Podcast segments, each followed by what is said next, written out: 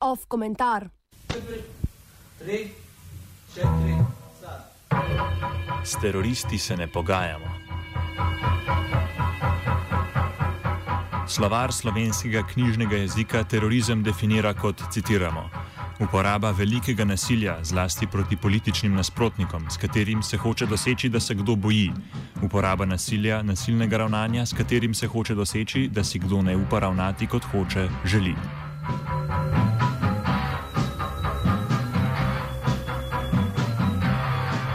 108. člen kazenskega zakonika za terorizem pravi sledeče.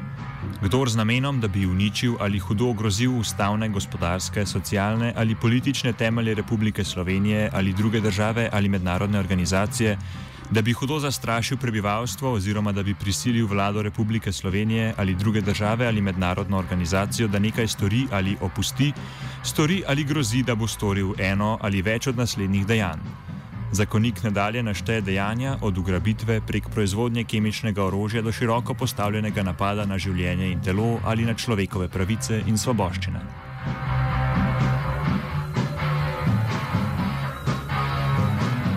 Členi, ki se ukvarjajo z grožnjo terorizma, so bili v minulem letu v skladu z vseevropsko paranojo razširjeni tako, da je ponovem zagrožena visoka kazen tudi za ščuvanje in javno poveličevanje terorističnih dejanj, in pa tudi za potovanje v tujino z namenom terorizma.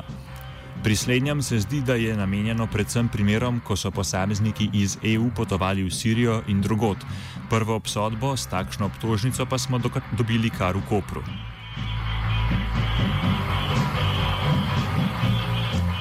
Loris Brljafa, 22-letni hrvaški državljan iz Poreča, je bil julija letos obsojen na tri leta in dva meseca zaporne kazni na Koperskem okrožnem sodišču. S tožilstvom je podpisal sporazum o priznanju krivde.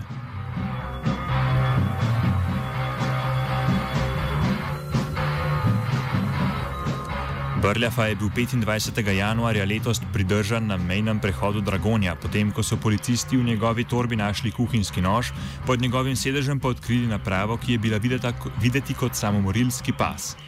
Prehod je bil ob obkritju naprave evakuiran in zaprt, upoklicani pa so bili pripadniki protibombne zaščite. Ti so kaj k malu po prihodu ugotovili, da ne gre za eksploziv, pač pa za prazne pločevinke zlepljene skupaj s selotejpom in eno vrvico. Brljafa je ob aretaciji dejal, da je potoval v Ljubljano z namenom, da bi z razkritjem pasu povzročil paniko in dosegel, da bi ga policisti ustrelili.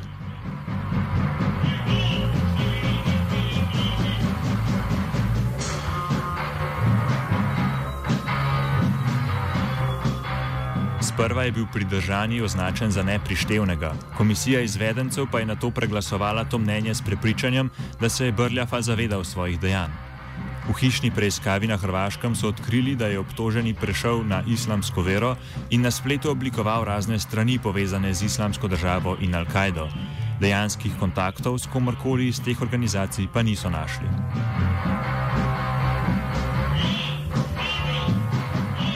Tudi na sojenju, kakor pri držanju, se Brljafa ni upiral in je dejal, da je naredil veliko neumnost. Sodnik je ob izreku sodbe Brljaf izporočil, citiramo, Potreben bo drugačen način življenja, tudi vaši starši pričakujejo spremembo. Mladi ste, življenje je pred vami. Konec citata. Predlog odvetnika, da za olajševalne okoliščine upošteva očitno osebno stisko mladeniča in dejstvo, da leta ni imel predhodnih težav z zakonom, je naletel na gluha ušesa. Ne na zadnje je tožilec sam posredno priznal, da je brljafa bolan. Citiramo: Želim si, da bi izkoristil možnost za zdravljenje, ki mu jih nudi Slovenija.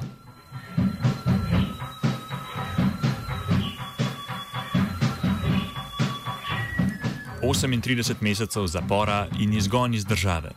Za zločin, ki bi v najhujšem primeru, če je groznam obsojenega sploh verjeti, rezultiral v smrti posameznika samega.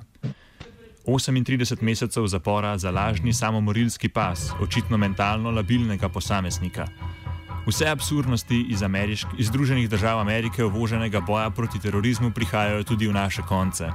Tako kot so naši varnostni organi in zakoniki v preteklosti slepo prevzeli zgrešeno logiko vojne proti drogam, se vzorec ponavlja s to neskončno globalno vojno.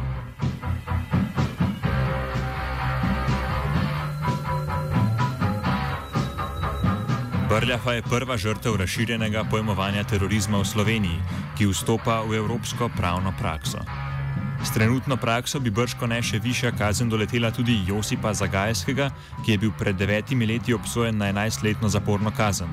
Zagajski, takratni 60-letni veteran vojne za Hrvaško, je bil na mejnem prehodu Dobova pridržan, potem ko je ob rutinskem pregledu grozil z razstrelitvijo ene od petih granat, ki jih je imel pri sebi. Ob pridržanju je Zagajski povedal, da so bile granate namenjene predsedniku Borutu Pahorju, na sojenju pa se je branil z molkom. Mnenje izvedenca Slavka Zihrla, da je bil obtožni priseben, je tudi takrat prevladalo nad dejstvom, da gre za 90-odstotnega invalida in vojnega veterana bitke za Vukovar ter nekdanjega vojnega ujetnika, ki se je več let nakladno, naknadno tudi zdravil v psihiatrični bolnici Vrapče pri Zagrebu. Zagajski je bil obsojen na podlagi obtožnice, ki mu je očitala transport orožja, preprečevanje postopka uradni osebi in načrtovanje terorizma. Zagajski se je lansko leto po dveh tretjinah odslužene kazni vrnil na Hrvaško.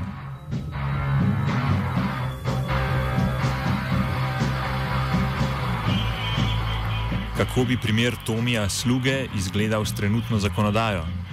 Ta je nekaj mesecev pred 11. septembrom 2001 zgrožen nad odločitvijo takratnega predsednika Georgea Busha, da ZDA ne bodo podpisale kjotskega podnebnega sporazuma, na elektronski naslov Bele hiše poslal sporočilo.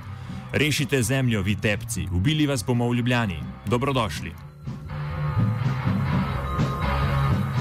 Ker je to sporočilo prispelo v Washington DC le nekaj tednov pred srečanjem Bush-Putin v Sloveniji, si je sluga s tem sporočilom prislužil obisk policije na dom in štirimesečno pogojno kazen. Ta je bila sicer na to razveljavljena, saj so sodniki razumno prišli do sklepa, da sluga ni zares ogrožal tujega državnika. Vprašanje je, ali bi tudi v trenutni klimi in z aktualno zakonodajo bilo slugi to dejanje oproščeno. Komentiral je Anton. Vsakoga dana v vsakom pogledu vse više napreduje. Vsakoga dana v vsakom pogledu vse više napreduje. Vsakoga dana v vsakom pogledu vse više napreduje. Vsakoga dana v vsakom pogledu vse više napreduje. Vsakoga dana v vsakom pogledu vse više napreduje. We say, bring it on. If you want war, let there be war. This is what we're saying. Is that clear? Radio študent.